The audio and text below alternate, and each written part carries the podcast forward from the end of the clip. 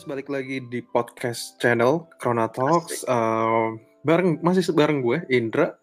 Uh, sekarang gue berdua sama temen lama gue. Kita udah kenal lama banget ya bro. Sekitar 50 tahun lalu lah ya. Sebelum era digital apa namanya menguasai dunia. Cia. Yeah. Yang bareng gue udah masuk duluan nih, udah udah sepuh duluan. Iya. Gue masih yeah. masih apa masih cetek gue. Apaan? Harusnya gue nih yang interview Indra nih salah nih kebalik ini. Nanti kalau lu bikin podcast sendiri bro. Oke okay, bener ya. iya dong, gue gue open open aja. Balik lagi anyway, uh, bareng gue Niki Doi adalah digital marketing expert. Udah lama banget mainin digital marketing. Oh nggak uh, expert. Eh iya, expert lah bro. Biasa gitu, kalau expert suka merendah biasanya. uh, ya udah coba lo, lo coba kenalin diri dulu aja. Kali aja cuma satu dua orang yang belum kenal lu di apa namanya pendengar. gue udah teman lama Indra, oke gue sekarang kerja untuk perusahaan Singapura B2C dan B2B, satunya di social media agency, satu lagi hmm. di IT consultant. Tapi itu IT consultant lebih ke B2B. I see. Sekarang tapi ya kerjanya ya remote.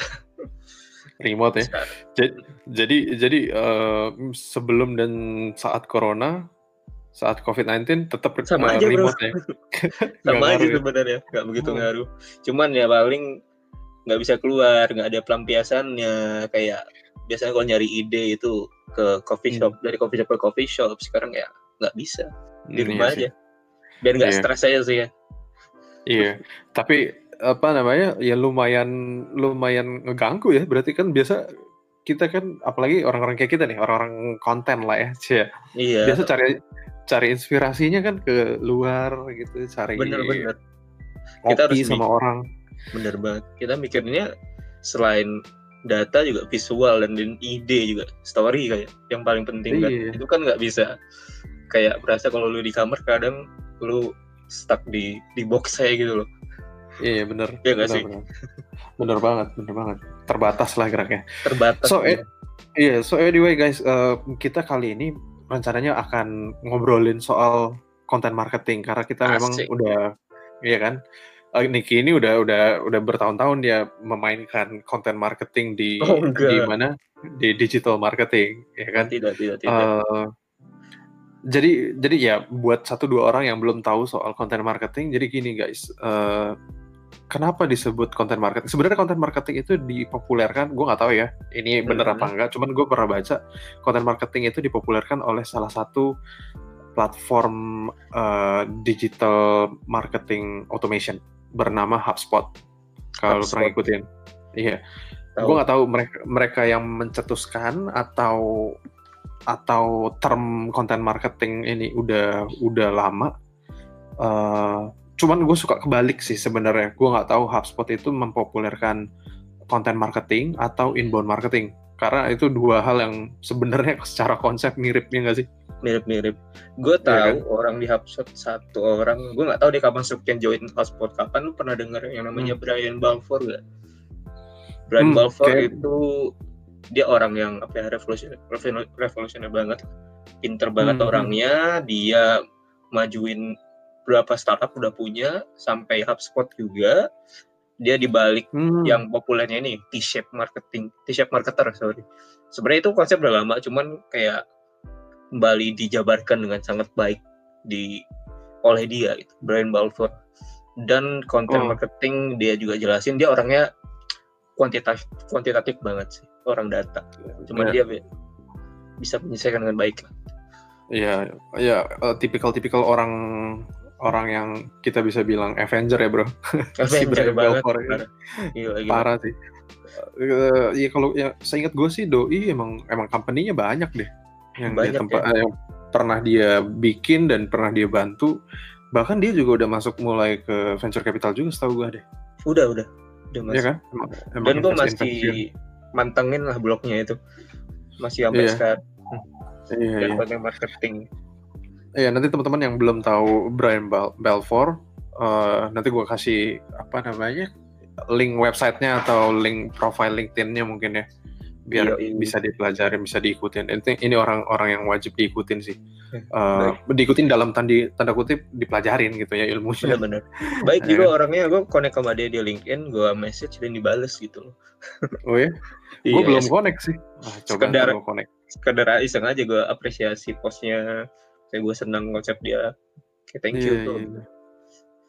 Ya, ini, ini apa apa ya? Ya salah satu orang-orang growth hacking juga lah. Dulu tuh terkenal juga kayak Neil Patel yang katanya waktu waktu kemarin kan sempat mau ke Indonesia, cuman ya karena karena COVID dia cancel katanya di Indonesia.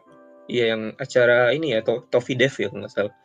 Ah, uh, SEO Con, SEO Conference Indonesia. Iya. Cuman CEO akhirnya. Tofi Dev, oke. Okay. Ah, by Tofi Dev, teman gue si Rian.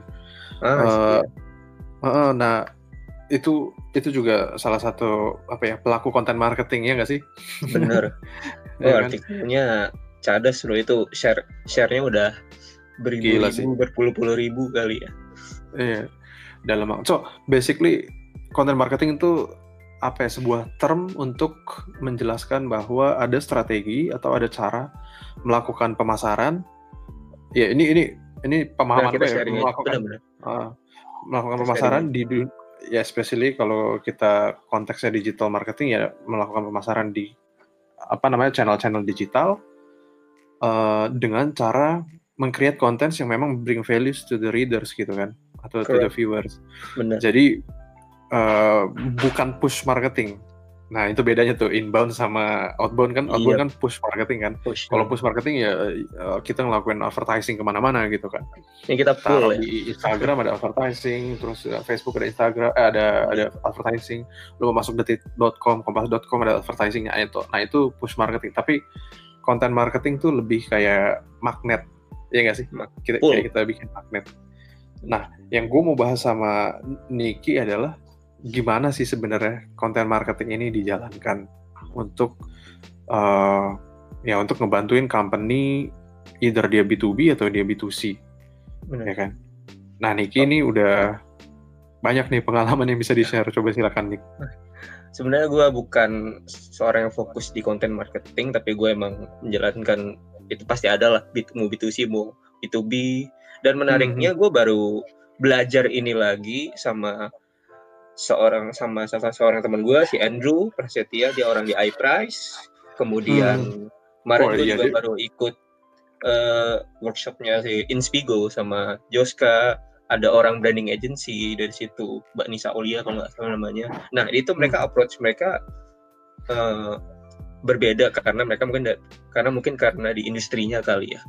Nah satu lagi juga orang Pradipta dia VP-nya konten di Inspigo tapi dia waktu dulu lebih ngebahas jurnalisme sih nah dari yang pengen gue uh, kasih tahu kalau dari sisi Andrew halo Andrew kalau lu denger kita lagi gibahin lu ya Iya, gue gue follow doi juga. Doi gokil emang konten doi. konten kontennya. Ini salah seorang yang sukses banget. Gue juga senang belajar sama dia. Kalau dari Desi Endo nitik beratkan ini pada hmm, bagaimana distribusi dari si konten itu hmm. pentingnya distribusi konten karena kalau nggak ada yang lihat mau bagus juga percuma ya kan hmm. kemudian lebih ke approach ke media sih approach media dan budaya link building itu itu gue hmm. diskusi banyak sama dia insightful. Dan hmm. karena hal karena hal itu dia dari iPress yang tadinya nggak diketahui banyak orang itu sekarang pada minta data ke iPress. Kayak dia dikenalnya tuh konten tim mereka yeah. tuh malah tahunya mereka itu tim research consultant gitu. Itu dia itu dia. dan mereka dapat publikasi dari media-media kalau lu mesti bayar itu kayak puluhan juta sedangkan mereka dapatnya gratis. Itu satu sukses sih itu sih, itu itu uh, apa namanya? Salah satu contoh konten marketing dan right. benar benar. Jadi kalau dari kalau dari kita simpulin ya konten itu sebenarnya konten itu bisa apa aja ya. Mau video, mau posting, nggak cuma artikel aja. Tapi hmm. yang benefitnya tentu saja dari marketing marketing adalah lu dapat strong brand awareness di sini. Dari orang yang nggak hmm. tahu bisa tahu. Terus hmm.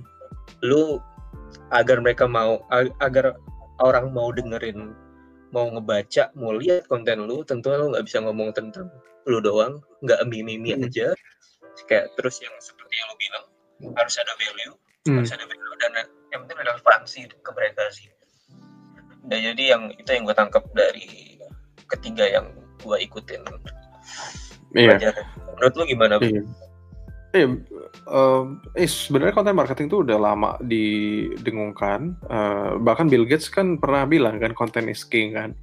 Bener. Uh, itu Bill Gates tau gue yang ngomong. Cuman banyak lagi yang akhirnya memodifikasi. Salah satunya yaitu konten is king, distribution is queen. Bener, setuju banget. gue baru mau ngomong itu. Iya kan, distribution is queen. Tapi gue ada lagi baca lagi uh, pengembangannya lagi, ada lagi yang modifikasi. Dia bilang content is king, uh, distribution is queen, dan channels penguasaan channels is the kingdom katanya. Iya. Mesti tahu. Kebayang nggak maksudnya? Iya. Tahu banget. Lo tahu distribusinya bagaimana, tahu people-nya, dan yang penting mereka tuh ada di mana gitu, ya sih? Mm -mm. Lo harus milihnya yang tepat yang tepat apakah mereka bahkan mereka punya sosial media atau bahkan mereka baca artikel tergantung format kontennya apa dan hmm. mereka mereka maksudnya ter, mereka terekspos nggak sih dengan channel-channel itu itu hmm, hmm, hmm, hmm. hmm. itu yeah, pemahaman yeah. so uh, ya yeah, itu itu itu konten marketing terus kalau bicara bentuknya seperti apa itu menurut lo yang paling yang tersedia dulu deh yang biasa yang bisa dibuat sama orang tuh apa aja sih? Konten market untuk bisa bikin konten marketing itu berjalan dengan lancar gitu. Oh banyak faktornya sih banyak elemen yang dimainin sih pertama berarti ini kita bahas kayak tantangannya ya berarti ya. Tantangan bikin konten marketing itu iya uh, sebelum ke tantangan mungkin kayak bentuknya. Orang kan biasa ngomongin so, uh, content marketing kan konsep nih. Okay. Tapi ketika udah masuk ke apa namanya eksekusi, kita mau buat konten istilahnya. Nah, itu kan ada bentuk-bentuk konten yang yang apa namanya yang bisa yang possible bisa dibikin sama orang dan mana sih yang yang paling perform gitu kan. Udah paling gampang kalau as hmm. as personal brand, udah as personal brand ya. Lu hmm. bisa mulai dari sosial media, bisa minta posting, hmm. bisa video, mm -hmm. value ya video dan kalau mungkin lu adalah bisnis lu bisa bikin artikel entahkah itu infografis kayak iPress juga pengen infografis jadi sebenarnya setiap mm. industri kayak buk, walaupun tradisional menurut gue mm. mereka juga bisa bikin konten gitu konten itu kayak misalnya lu di Store atau Matahari lu punya mm. SOP sebenarnya ada kaitannya sedikit sama brand sih lu bikin mm satu pesan ini kan intinya konten tuh apa aja yang ingin lu sampaikan pada audiens ya Iya. Yeah. Oke. Okay. Jadi meskipun itu hanya SOP dan bagaimana karyawan tersebut uh, staff tersebut uh, menggrid tamu-tamunya dengan yeah. Iya. uh, dengan arahan dari sang konten manager dan brand manajernya, konten manajernya itu sebenarnya juga konten. Jadi formatnya hmm. sebenarnya bisa apa aja yang penting lu ada pesan apa sih yang mau disampaikan dari konten itu itu align nggak sih sama bisnis goalnya kena nggak hmm. sih sama audiensnya itu sih hmm. Iya, yeah. berarti uh, selain jadi gini, sebelum masuk ke konten marketing mungkin brand apa ya, brand identity, brand soul, ya pokoknya jiwa dari brand itu sendiri itu tuh udah harus ke divine. Jadi jadi jadi konsisten gitu. Benar, ya benar. Lo, lo mau bikin konten artikel, lo mau bikin konten sosial media, lo mau bikin konten e-book lah, atau case studies, atau magazine segala macam, atau bahkan video, vlog segala macam. Tapi kalau uh, apa namanya brand apa ya kita bilang brand uh, brand identity lo udah udah pakem gitu, itu dan lu harus apa namanya harus delivernya tuh konsisten di semua channels. Itu benar, sih benar itu sih yang ideal sih sebenarnya, iya kan? Jadi setuju, setuju. konten konten marketing nggak cuma asal bikin artikel terus jebret gitu kan bener, yang, yang, yang, bener, yang, ya, harus yang udah gitu. Ya. jadi kalau uh, mau nambahin sedikit, uh, jadi kalau di sisi gue, pengalaman gue, orang yang datang ke gue, sharing ke gue, itu pas hmm. mereka minta, aku pengen bikin konten ini, tolong uh, marketing ini gimana sih? pas gue lihat coba lihat brandnya boleh nggak pas sedikit audit sedikit ternyata itu juga belum beres gitu loh. Maksudnya yeah. lu pengen audiensnya ini pengen ke mana? Sebenarnya target marketnya siapa? Ya nggak sih? Lu ngerasa gitu nggak sih? Iya iya. Positioning. Nggak ada positioningnya. Terus di compare sama ke kompetitorsnya ya ditanya lu bedanya sama kompetitors ini apa? Nggak ada gitu kan, sama ada nah itu tugas yeah. saya define atau tugas mereka sebenarnya gitu loh. Hmm iya. Tapi ya itu tadi sih kaitannya. Kalau brand kan bicara brand kan sebenarnya bicara message sama value yang kita mau bawa sehingga kita uh, menciptakan persepsi orang lain ya kan? Atau right. persepsi publik terhadap kita kan? Nah hmm. persepsi publik itu terhadap kita uh, yang di yang publik lihat itu kan konten sebetulnya kan? Benar. Ya, mereka lihatnya konten. Jadi yang pesannya ya balik lagi yang tujuannya mereka bikin brand itu apa dan pesannya sendiri. Apakah orang itu ngerasain dekat nggak sih sama relevan nggak sih sama yang mereka bikin apa yang mereka sampaikan ke ke mereka sendiri? Kalau mereka hmm. nggak rasa gitu ya nggak kena juga. Iya. Benar benar benar. Ya yang yang setahu gue sih ya kalau bicara lagi balik ke tipe konten yang bisa lo lakuin is tadi kan Niki udah bilang sosial media, lo bisa bikin artikel, bahkan lo bisa bikin SOP soal greeting, ya kan? Uh, saat orang masuk ke toko atau ke store lu atau ke lobby suatu hotel gitu itu kan udah kerasa hotel bintang 5 sama hotel bintang 2 gitu misalnya itu greeting di depannya aja udah beda gitu kan benar, benar. dari sapam ya nah itu bisa uh, nggak jadi nggak terbatas konten uh, artikel nggak terbatas sosial media tapi konten itu yang benar-benar uh, apa melekat juga dalam dalam brand itu dalam identitas itu gitu kan? Benar-benar setelah nggak kalah pentingnya itu kan kita membahas konten tadi ya. Nah marketing hmm. kontennya itu mungkin agak sedikit berbeda. Atau hmm. mungkin ada extension itu. Maksudnya hmm. uh, dari hasil yang udah kita bikin siapa ya udah kita riset. Gimana sih agar bisa diketahui banyak orang atau hmm. tepat sasaran gitu Ndra. menurut pengalaman hmm. lu itu gimana marketing marketing kan konten kita itu Oke, okay, kalau bicara memarketingkan konten kan berarti bicara distribution kan? Iya. Yep. Uh, soal distribution ini juga penting. Uh, sebelum kita bikin konten, udah pasti kita udah tahu kita tuh berkomunikasi sama siapa. Kita bikin konten untuk siapa, siapa yang akan tar uh, target readernya siapa gitu atau target viewernya siapa kalau bikin video misalnya. Kalau hmm. itu udah tahu, maka kita udah harus mapping target audiens kita tuh udah di, ada di mana aja sih channelnya. Ini baru ngomongin channeling. Iya. Nah, sebisa mungkin kita kalau bisa kalau mau sukses distribution konten ya sebisa mungkin kita udah provide kolam-kolamnya. Iya. Jadi kalau lu mau bener -bener apa namanya mau tebar pakan ikan gitu misal ya ke kolam ikan jangan ke kandang kucing gitu nggak dimakan iya. ya kan? Jadi kalau lo mau tebar makanan kucing jangan di kolam ikan gitu nggak dimakan. Jadi Bener -bener. channel itu penting. Jadi lo mesti tahu target audiens lo di mana. Let's say contoh lah contoh konkret. Lo punya uh, let's say produk terus uh, ya beauty produk terus target audiensnya mungkin uh, di bawah 20 tahun gitu di Indonesia. Nah, lu mesti tahu, lu mesti riset channelnya tuh di mana aja. Uh, misal beauty product berarti kan uh, wanita usianya di bawah 22 atau 20 tahun karena kita targetinnya Gen Z gitu ya. Yep. Uh, udah lebih muda lagi dari millennials. Nah, kita cari, lo ternyata mereka ada di line ya kan? Yeah. Ternyata mereka uh, ada, ada di TikTok. Instagram sebagian besar gitu kan. Okay. Ter ternyata lagi ada di TikTok gitu. nah, sesuaiin deh itu. Joget-joget deh lu. Nah, itu. Makanya kalau kalau lihat sekarang banyak brand yang udah mulai masuk TikTok kan. Bener-bener.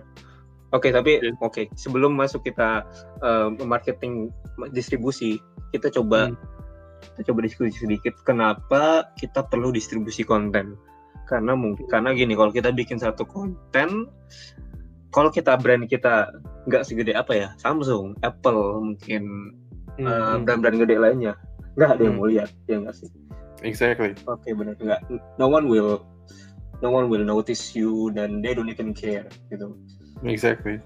Jadi kalau kita pakai approach untuk uh, digital marketing channel yang tadi Indra sebutin, kalau dari yang kita udah punya dulu ya, kalau kita sebagai hmm. company as brand ya, pasti punya blog. Ya, di website. Sosial media, hmm. email. Dan eksternalnya, Indra yang bilang tadi, kolam-kolam. Kolomnya bagaimana? Misalnya, lu uh, lu udah ready satu konten yang udah lu riset, uh, dan hmm. misalnya channelnya mungkin tentang otomotif atau apa, oke okay, lu hmm. ke news site, lu ke klub-klub motor atau ke blogger, hmm. uh, atau mungkin so, di luar otomotif universitas juga punya gitu mungkin channel-channel yeah. lu menyebarkan ke kolom-kolom kecil itu dan Betul. sampai ke kolom-kolom besar. Ini website Betul. yang ada kaitannya relevansinya dengan apa yang konten yang kita bikin ya guys. Dan untuk Betul. sampai bicara kanal, apabila misalnya kita brand obat gitu. Hmm. Orang kan mereka kan punya obat yang tersebar di seluruh Indonesia, ya sih. Mm-hmm. Dan oh, dan mungkin daerah-daerah yang belum kejangkau sama internet. Oke okay lah mereka mm-hmm. punya smartphone, tapi mungkin internetnya kagak cukup, kagak ada kuota mulu. Mm-hmm. Nah jadi pemilihan kanal ini penting. Jadi nggak mau. Jadi kalau kalau audiensnya begitu, secara mm. mass, ya kita bisa pakai yang lebih regional hmm. koran ataukah mungkin billboard sendiri terus hmm. TV nah TV juga masih ampuh karena mereka juga masih nonton TV sinetron hmm. mungkin pada belum pakem sama tren-tren yang lagi happening karena internetnya juga nggak ada ya jadi kita nggak hmm. jujur sama audiens kita jujur sama audiens hmm. kita jangan maksudnya jangan terlalu termakan ego ya karena lagi tren ini gue pengen bikin YouTube ya nggak nggak harus hmm. lo bikin YouTube bro tergantung nggak hmm. audiensnya juga ada di mana jadi kejujuran sang brand dan pembuat konten itu sendiri ya nggak sih? Hmm, setuju. Uh, ter, uh, mungkin pakai termnya Gary V kali bro, self awareness. self awareness iya iya, iya kan. Bener, itu bener. itu term yang yang yang apa namanya yang powerful buat gue uh, karena uh, sebagian orang memang cocok mungkin di YouTube bikin vlog ya kan karena iya. mungkin yeah. tampangnya mungkin bagus terus cara dia ngomong juga mungkin uh, lebih engaging ketika visualnya kelihatan gitu kan tapi ada orang ada orang yang justru lebih cocok di podcast gitu atau di radio gitu misalnya karena audio doang atau beda lagi yeah. ada yang lebih cocok nulis gitu misalnya ya iya bener-bener Nah, Baik. itu sih self awareness itu jadi penting.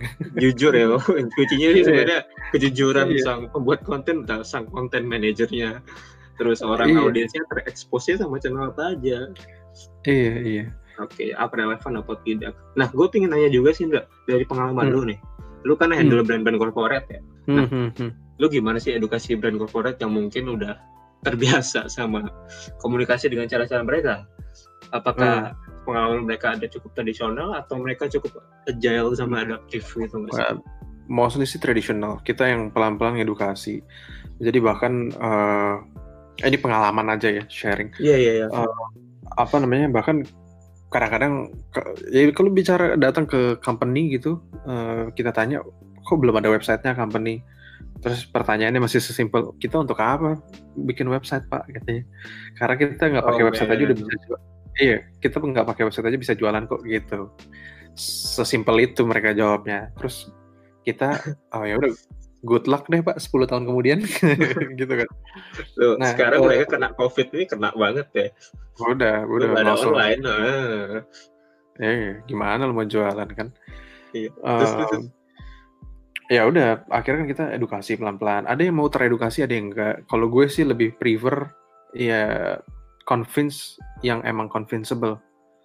Jadi yang yang udah reluctant dari awal udah tinggalin aja. Nanti juga oh, iya. dia belajar sendiri kok, gitu kan. Jadi uh, bener-bener sih. Ya, jadi corporate ya gitu uh, ininya approach-nya. Berarti lo juga berarti pilih klien juga ya yang emang cukup bisa uh, iya, mindsetnya kira-kira bisa juga untuk diedukasi gitu. Iya, gue gue gue udah ketemu istilahnya ya kan kita udah operating udah tujuh tahun nih. Dari yang mulai garam lah Pak Indra. Dari mulai iya makanya ke, dari yang mulai reluktan ngomong kayak tadi sampai yang apa namanya sampai yang canggih-canggih juga udah ketemu. Tapi ya iya itu itu ininya itu kenyataannya gitu. Menarik menarik sih.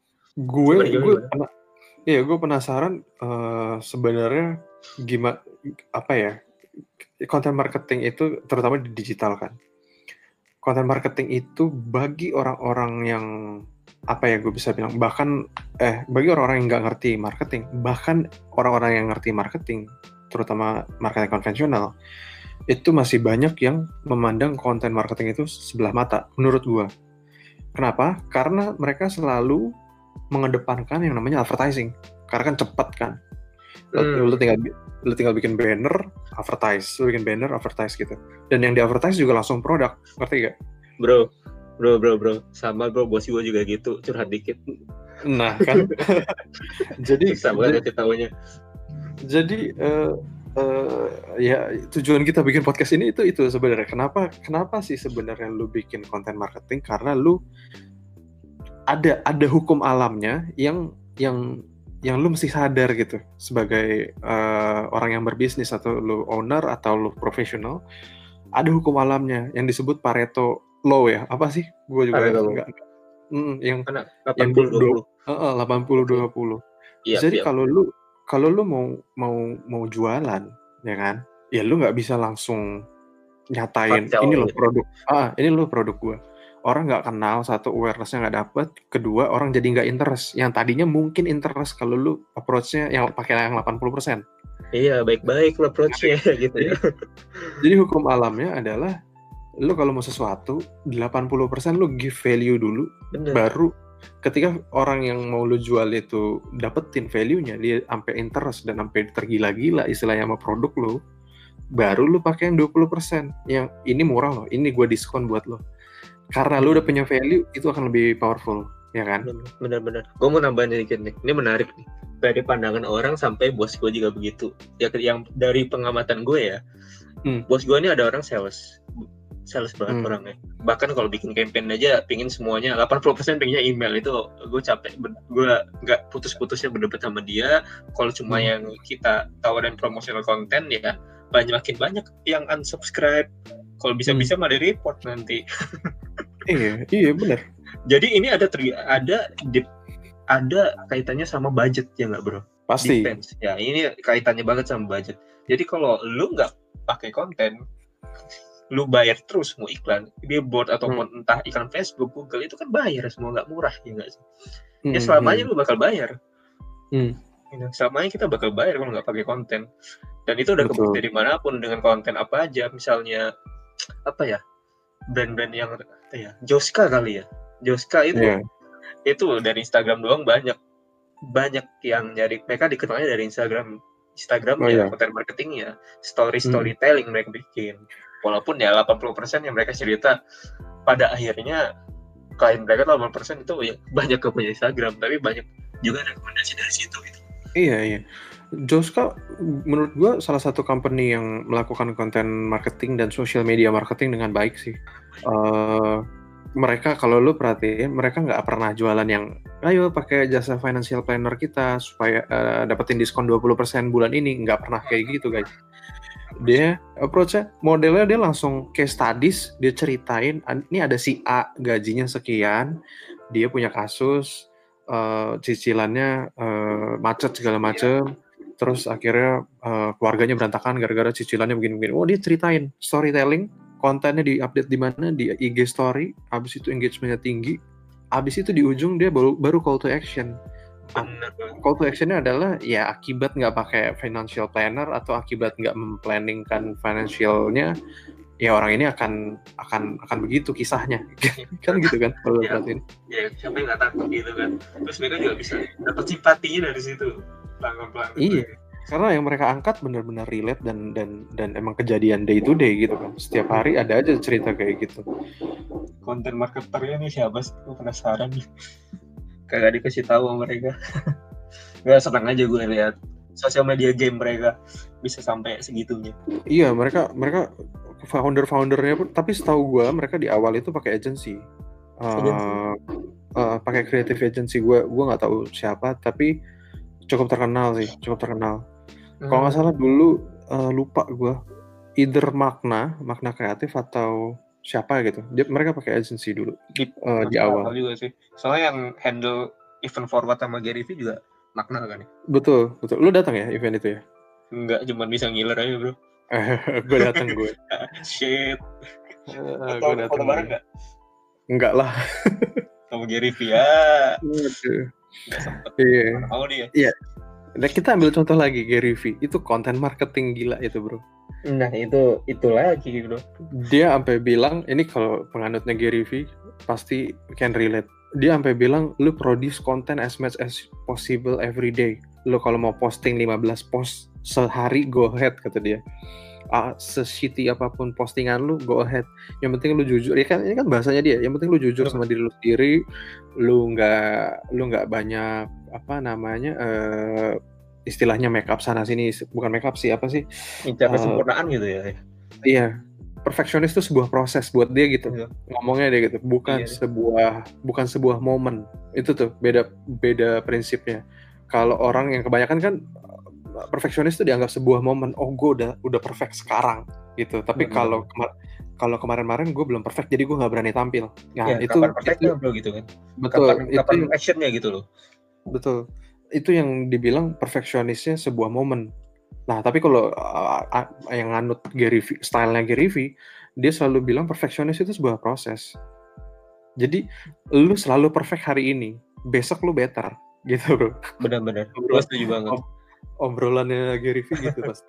dia gak bilang ya sebenarnya lu ada orang yang nanya ke dia lu pilih mana quality dan konten quality atau konten ya quality dan konten tapi kalau if you gonna shoot me in the head ya I gonna Iya. choose quantity over quality iya, itu itu dia. bu- intinya semua orang jangan banyak bacot lu action aja posting ntar lu ketemu pola lu sendiri kalau kayak gini lu nggak mulai mulai nggak dapat hasilnya percuma gitu bullshit semuanya gitu Iya. Makanya eh, paling keren lah Gokil dia. panutanku juga itu Iya. panutan kita. nah itu menarik nih. Jadi oke balik ke tantang kalau kita bikin uh, konten marketing. Jadi kalau tantangannya kalau balik ke as a brand or as content creator ke as a brand kali ya. Tantangan kalau bikin konten marketing ini banyak elemennya sih. Mulai dari Hmm, memadukan semua unsur yang brandnya maunya apa, bisnisnya mau apa, budgetnya ada atau tidak, insight-nya apa, Iya. cocok Iya. dengan audiensnya, objektifnya dan balik-baliknya kembali lagi ke KPI. Ya, it takes it, it takes a lot of discussion, Ya, proses, Iya. tukar pikiran. Brainstorming. Benar-benar brainstorming. Lu gak bisa bikin sembarangan konten untuk uh, take a good content. Ya. Tapi eh, sebelum itu semua sebenarnya satu hal yang paling penting adalah goals-nya dulu disentuhin, bro. Goals-nya apakah mau branding, apakah mau eh, ngegiring orang ke apa namanya ke suatu call to action misalnya. Itu juga nanti akan menentukan Bener konten Alur. apa ya. ya kan, alur konten yang kita kita buat gitu. Hmm. So, eh, menurut lu, menurut lu, eh, kalau kalau kita bi kalau gue bisa bilang sebenarnya konten marketing itu cara-cara organik, ya kan? Cara Cara- organik. Cara organik yang yang lu tuh secara kalau ngomongin bisnis, kalau ngomongin bisnis growth nih, kalau lu mainin konten marketing itu increment-nya kerasa. Bulan ini misalnya, eh, kalau ngomongin website aja, website visitors, bulan ini mungkin 1000, bulan depan naiknya 1200, ya kan?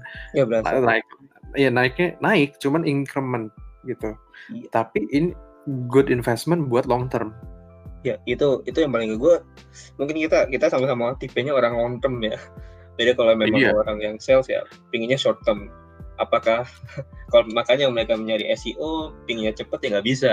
Sama aja SEO sama konten lu jangka panjang. Oh, bikinnya per tahap gitu loh. Betul betul.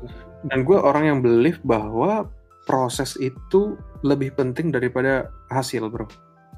Oh iya setuju banget kalau gue ya. Tapi ada juga dan argumen yang yang gue nggak bisa bantah bahwa hasil itu yang terpenting. Ada juga yang kayak gitu. Tapi gini kalau lu orang branding lu orang konten lu orang organik lu pasti bicaranya long term. Ya Hmm. kan? Ba- banget. Ya kan? Bicaranya kayak kita kalau konsisten eh, pakai message ini message itu message kayak iklan-iklan rokok ngerti gak yang kagak ada ya. nggak ada call to action beli psikologis rokoknya. Semuanya. nah itu orang branding itu akan bicara 5-10 tahun. 3, 5, 10 tahun. Sementara realitasnya or, bisnis harus make money uh, today gitu kan? Make money today. Nah pertanyaan gue adalah kalau lu sepengalaman lu nah lu kan uh, pernah di corporate juga terus pernah bantu juga di agency.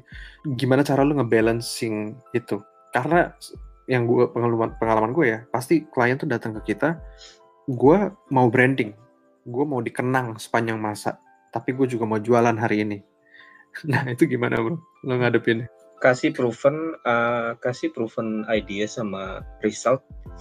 Contoh result ya yang sama kira-kira industrinya sama kayak kita sih contohnya kalau untuk kita mau melakukan suatu action untuk dua bulan tiga bulan mm-hmm. mungkin mungkin jangka panjang. Karena itu memang nggak bisa dipungkiri.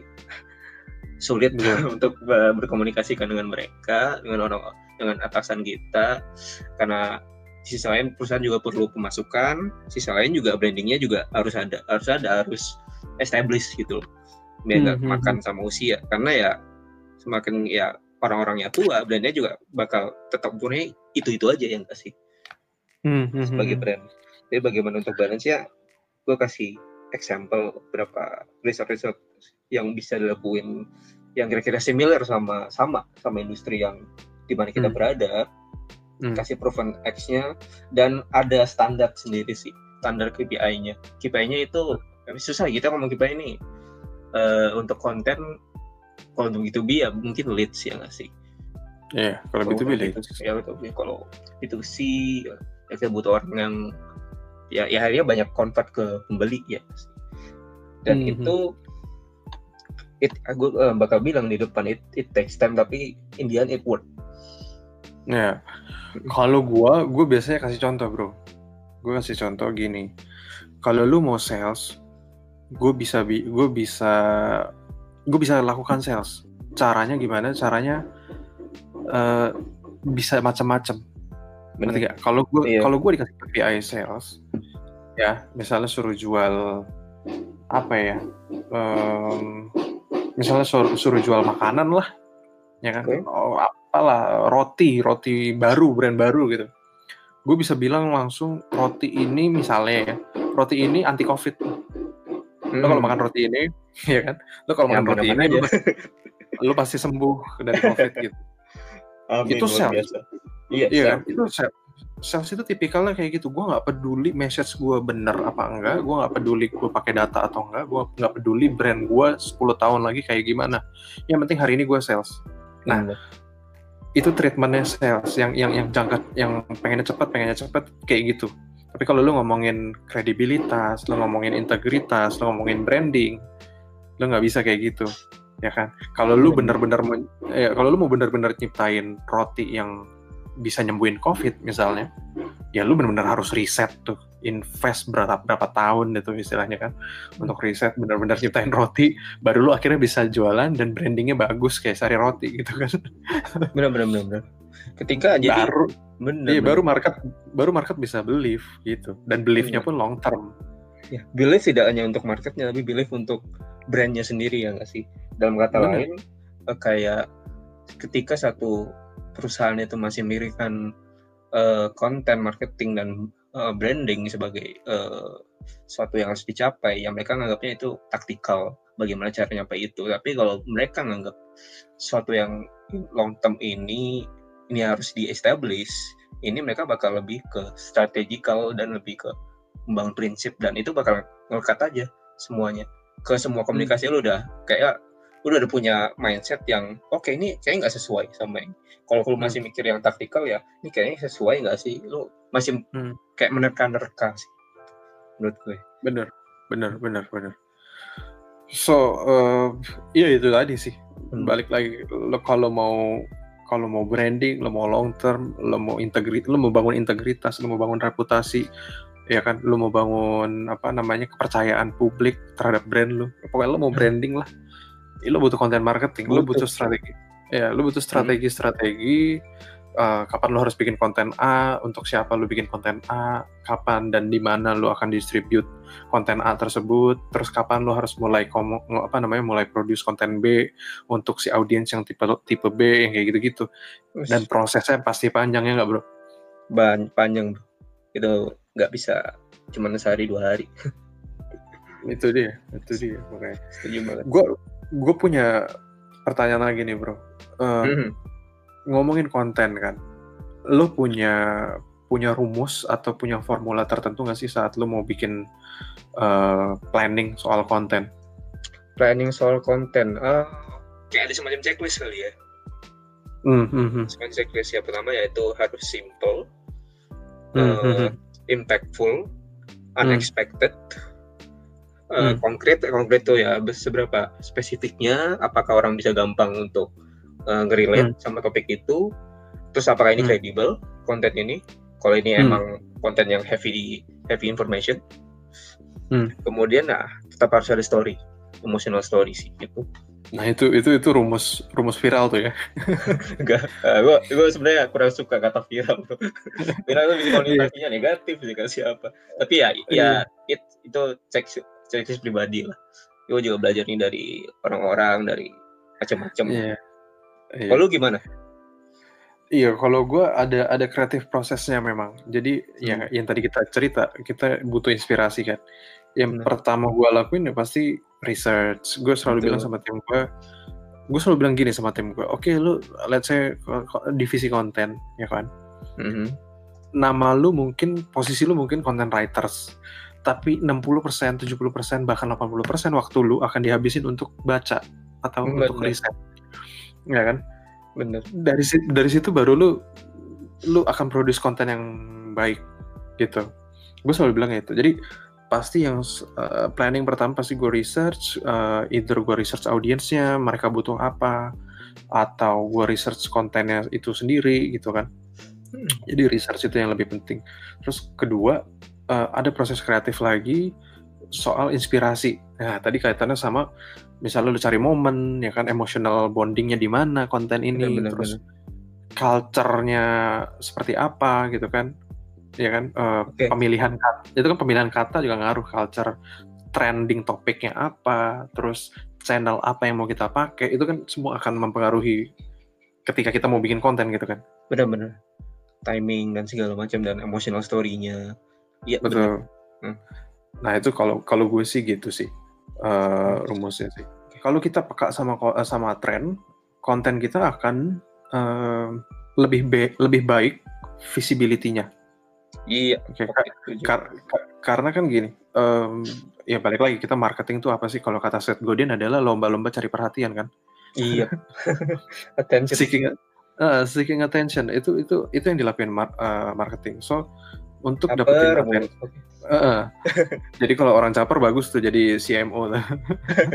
harusnya laku ya nggak boleh jomblo dia iya Nggak iya. Pak, anjir. Kalau dia jomblo berarti dia marketing funnelnya belum bagus bro. Jadi dia, mesti sebar jaring dulu di awareness gitu. Aduh. Sampai sampai sampai bottom line tuh kan. anjir Nah. oke oke oke Make sense kan tapi. make sense banget ya lu udah bisa marketingkan dirimu belum Heeh, nah itu dia. So, eh, balik lagi tadi nyampe nyampe mana ya? Oh, nyampe tren. iya Jadi keren. ketika lu ketika lu bikin konten dan lu bisa riding the trend, riding riding the wave ya bahasanya, gua rasa itu akan better visibility.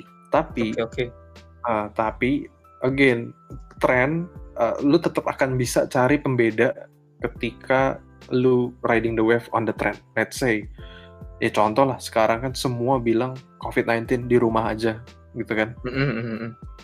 Tapi ada konten viral yang bilang bahwa eh, oke di rumah aja, tapi siapa yang tanggung jawab soal ekonomi yang yang hancur gitu kan? oh oke waduh waduh waduh Ah, ap- Siap, apakah siap. W- iya kan? Apakah WHO bertanggung jawab sama ekonomi yang hancur? Kan enggak.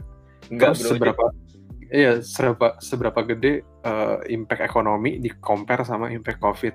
Nah, Nah. itu kan riding the wave. Riding the wave-nya Iya, adalah iya. wave-nya COVID-19, tapi dia punya standpoint sendiri, dia punya point of view sendiri yang akhirnya orang dapat perhatian dan viral. Viralnya pun ada banyak yang bully, banyak yang dukung gitu. kayak si- kisah seseorang nih yang gue tahu yang punya Ya, kurang- distro di Bali itu ya kurang kurang lebih kayak gitu kan. Iya, yang anak band itu ya. Oh iya. Hmm. yang lagunya anarki anarki itu ya. Nah, iya, tapi eh, dia juga dia juga punya poin penting sih, walaupun menurut gue terlalu melebar ke teori konspirasi tapi ada poinnya lah uh, ininya. Uh, uh, poin of view-nya bolehlah dipertimbangkan gitu. Tapi itu riding the wave tapi punya standpoint yang yang membedakan lu di wave itu gitu ngerti gak? Hmm, jadi jadi uh, wave ada wave dan gimana caranya lu berdiri di wave itu kayak surfing gitu. Oke okay, oke okay, oke okay, setuju. Jadi uh, gue setuju sih. Jadi sesuai sama content pillar atau tren itu uh, tergantung kalau menurut gue bisa hmm. baik bisa nggak di sisi positifnya bener lo bisa gain instant awareness banyak ada hmm. kan ada spike di tren lo bisa hmm. ikut nimbrung di situ tapi memang mesti disesuaikan sama dari brandnya itu sendiri sama objektifnya itu sendiri. Betul. Jadi karena uh, jadi speak your brand speak uh, speak your content with your brand. Nggak semua tren harus diikuti. Tren itu baik diikuti karena artinya kita berusaha relevan ya betul. Tapi itu harus disesuaikan difitkan sama identitas dari uh, brandnya dari bisnis lainnya jadi kita betul. riding the wave-nya juga nggak serampangan gitu. betul. Setuju. Setuju setuju. setuju. Itu. Karena uh, ya ya pokoknya kaitannya sama relevansi sih benar ya kan? relevansi. Kalau yang ngetren soal soal politik let's say ya nggak mungkin brand masuk kan karena nggak iya, relevan. hati-hati dan akan brand damage. Uh, so ya ya bener nggak semua tren itu oke okay untuk dimasukin tapi ketika ketika bisa dimasukin that's even better gitu karena setahu gue ada banyak brand yang di Amerika apalagi kayak studiesnya banyak brand yang masuk ke politik juga bro apa itu contohnya? Gue nggak hafal.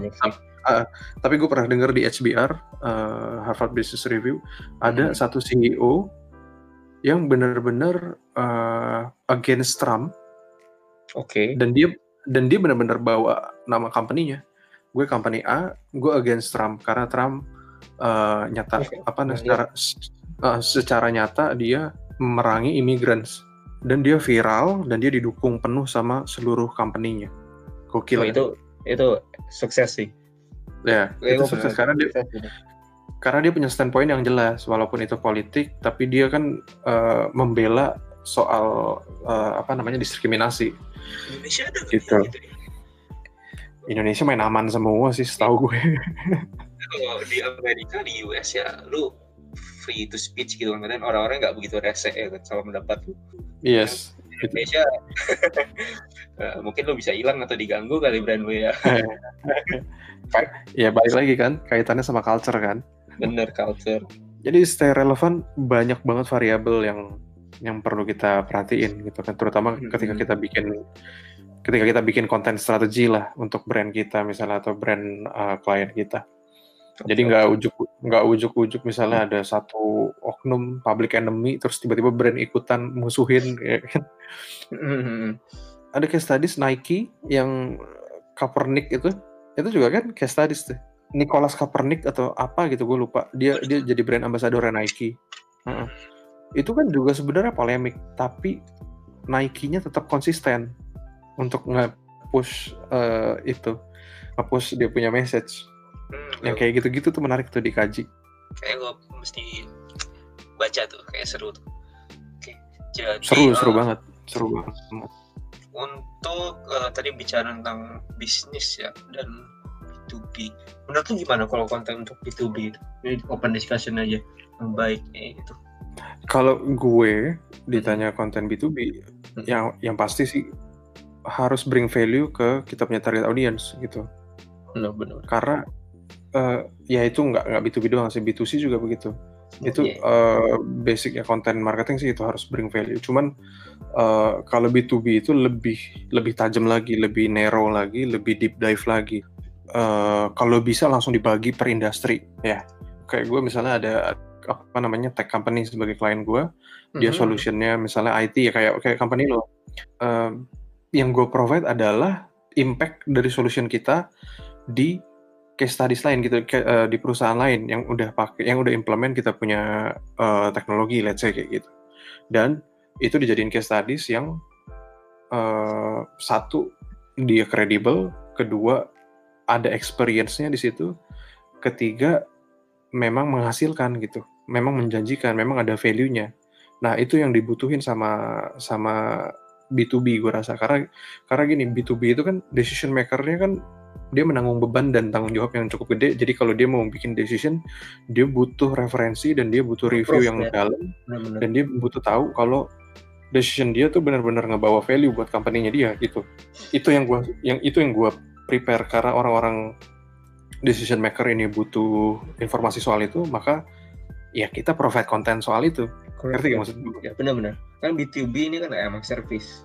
Jadi aimnya itu memang service excellence ya sih hmm. excellent service ya kalau bisa uh, zero mistake gitu yeah. atau speak speak louder kredibilitas meskipun apalagi kalau orang yang nggak punya website gitu padahal itu hmm. itu walaupun mereka emang nggak banyak jualan di online tapi itu kan bisa sebagai validasi ya gak sih? Yeah. itu penting ya? Iya yeah, penting penting banget. Kalau menurut lu gimana? Lu lu kalau di di challenge gitu misalnya uh, company gue company let's say distributor alat-alat apa ya alat-alat berat lah misalnya. Ya kan? Super random lah misalnya terus lo di challenge klien kita adalah kontraktor-kontraktor orang-orang yang apa tuh perusahaan-perusahaan yang ngebangun infrastruktur perusahaan-perusahaan developer apa namanya perumahan let's say gitu gedung segala macam. Nah uh, lo akan mulai dari mana gitu bro? Oke karena udah tahu audiensnya eh, audiensnya berarti ya partner kita yang sih. Kontennya hmm. berarti hal-hal anything yang bring value ke partner kita. Hmm. Lebih kepada nge hmm. ngebantu ke partner-partner sih apa mungkin how to bagaimana apakah kalau apa tadi contohnya? Lebih ke uh, properti ya gitu ya?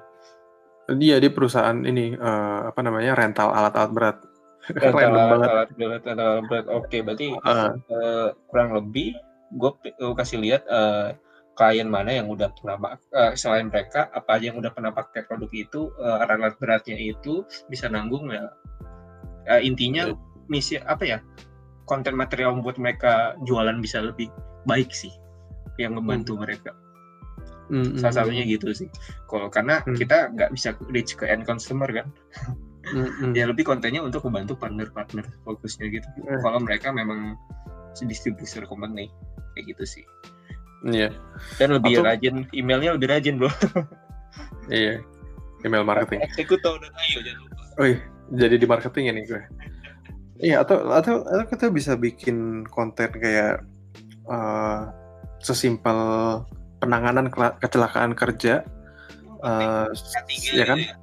Uh, penanganan kecelakaan kerja saat uh, di site gitu atau di apa namanya di construction di construction area bikin jebret ya kan? Terus ini ini adalah SOP kami bukan apa namanya ini adalah SOP kami dijelasin cara kita menangani krisis cara kita menangani ada kecelakaan kerja segala macam padahal dia cuma jualan apa sewa alat berat doang.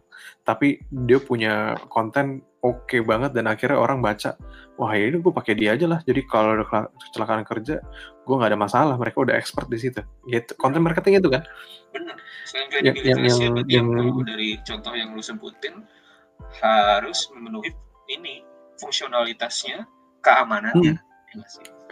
dan sebenarnya kalau lu perhatiin itu kan sebenarnya syarat dasar lah SOP itu kan syarat dasar cuman kan Benar, syarat dasarnya. Uh, cuma kan nggak dikomunikasikan secara baik oleh semua perusahaan gitu. Benar-benar employer branding gitu masuknya. Ya. Iya, iya. Kayak itu gitu. pasti banyak kurang sih kecuali ya mungkin dari bahkan oil and gas ya tetap hmm. banyak kan tertulis kayak gitu sih. Hmm, dan kalau itu kalau itu dikomunikasiin dengan baik, dijadiin konten slide share gitu misalnya, dan di postnya di LinkedIn yang audiensnya misalnya CEO-nya apa namanya eh, perusahaan-perusahaan properti gitu misalnya atau perusahaan-perusahaan infrastruktur developer, gue rasa dia akan menang menangin perhatian banyak orang. Padahal sesimpel itu SOP standar gitu. Siapa yang udah ngelakuin itu ya? Eh, gue nggak tahu. Di siapa tahu ada distributor alat berat tuh, gue cuma tahu United Tractor aja doang. iya, iya, kayak brand-brand United Tractor, hmm. Astra. Coba yeah. mereka lakuin itu ya. Keren sih. Iya iya. Jadi kadang-kadang orang tuh overthinking juga saat bikin konten mm-hmm. ya kan? Bingung mau bikin konten apa Padahal kalau dia mau riset dikit ke SOP-nya bisa dijadiin bisa dijadiin hmm. konten dan bisa jadi value yang kuat banget buat Bener buat jualan ya gitu. Okay. uh, ini ngebawa gue uh, ngingat employer branding ya. Yang salah satu yang sukses ini Gojek banget sih. Iya, udah. Iya, walaupun udah super ini keren banget sih Gojek employer brandingnya. Gojek didirikan oleh mantannya McKinsey, bro. Uh, Manajemen ya, ada, bro. Communication strateginya semuanya udah ala-ala mereka. Jadi udah itu agency yang istilahnya bukan agency, konsultan yang tiba-tiba menjelma jadi perusahaan ya begitu udah running ya. Iya anjir, bikin agensi sendiri untuk Gojeknya sendiri. Iya iya. Ya itulah achievementnya mereka lah. Ya, Keren Mungkin lah. dulu berarti mereka kebanyakan pakai agensi sampai aduh ini bombong duit ya udah bikin in house aja deh gitu kali ya. Gua nggak tahu tapi kayaknya emang mereka nggak pakai agensi. Mereka udah dari awal mereka udah kita aja bikin sendiri kita juga bisa kayaknya gitu deh. Iya. Karena mereka kan konsultan juga sebelumnya. Anyway, nggak kerasa juga kita ngobrol udah hampir sejam. Udah sejam cuy, bukan bukan hampir. iya makanya. Oh iya udah sejam, udah sejam. Mungkin kita wrap up aja. Jadi oh, soal okay. content marketing, jadi uh, kalau bisa disimpulin tadi konten is king, ya kan, distribution is queen. Jadi lu bikin konten kalau kata Niki tadi secara jujur, uh, kalau kata gue ya lu mesti self awareness, lu lihat sekeliling lu, nggak perlu nggak perlu overthinking segala macam. Terus lu perlu punya strategi yang tepat ya kan? Uh, siapa audiens siapa audiens lu terus kapan lo harus harus uh, apa namanya mengkomunikasikannya terus seberapa konsisten lo mengkomunikasikan uh, visi misi bukan visi misi ya apa sih value uh, brand value, lu.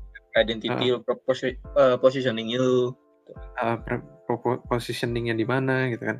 Benar, itu benar. lebih lebih konsisten. Sama ya terakhir lebih apa namanya uh, lebih membuka diri untuk apa ya open mind itu penting banget lah di di konten. Jadi jangan overthinking jangan jauh-jauh. Uh, jangan-jangan lu cuman baca sekilas soal apa namanya SOP di perusahaan lu itu bisa jadi konten gitu kan. Iya yep, benar-benar. Itu sih okay. paling yang yang kita dapat terus kalau lu mau belajar soal konten marketing banyak resource ya mungkin mungkin oh, nanti kita juga banget cantumin kalau gue ya. uh, kalau gue dulu sering ngikutin uh, konten marketing institute udah jelas Neil oh, Patel oh, iya dulu ikutin Neil Patel. Siapa uh, ya kita referensinya? Uh, iya udah pasti. HubSpot HubSpot is HubSpot. good resource terus uh, apa lagi ya bro? Apa ya bro? Uh, ada kaitan gue sekarang ya mulai mulai baca kaitan dengan SEO juga sih paling Moz iya. Ahrefs itu juga bagus sih yeah. dari mereka Iya, kalau mau ngomongin copy blogger juga bagus, Bro. Copy blogger ya. Lupa di mention. Itu juga keren. Kalau lu mau belajar konten marketing di sana di sana banyak banget insight-nya, banyak banget yang nulis uh, keren-keren penulisnya. Uh, banyak banget yang bisa dipelajarin deh. Bener, ah nih gue mau ngomong, uh, eh, gue mau Isaac mau uh, state satu hal nih kita kita ngomongin referensi deh tadi itu kan semuanya hmm. itu uh, luar ya barat ya hmm. mungkin next mungkin next uh, mungkin next series gue pengen ngobrol sama Indra juga gimana ada ada gap jadi sini gap gap knowledge untuk hmm. uh, para marketer kita pemain digital marketer sebenarnya gue ngerasa Indonesia digital marketer nggak banyak ya mungkin uh, orang yang jualan internet marketer banyak affiliate banyak tapi untuk digital hmm. marketer nggak banyak karena keterbatasan bahasa juga kali ya bahasa mungkin mungkin, mungkin. dan di luar sendiri itu juga banyak yang ngasal gitu. Maksudnya bukan ngasal kayak mereka based on their on teori gitu sih? Mm, -hmm. nah, jadi harus pilih-pilih. Jadi yang sebutin referensi itu uh, bagus dan uh, wajib buat ikutin. Iya iya iya. Oke okay, kalau gue sih itu sih gue rasa untuk konten marketing iya, ada iya. lu apa namanya nantilah kalau kita ada waktu lagi kita buat episode lanjutannya karena ya. karena kalau ngomongin konten marketing itu sebetulnya bisa satu semester sendiri ya bro ya. Kalau dibikin kelas ya. nggak ada habis ya karena dinamis banget. Uh, oke okay lah kalau gitu kita tutup aja karena udah thank you banget ya.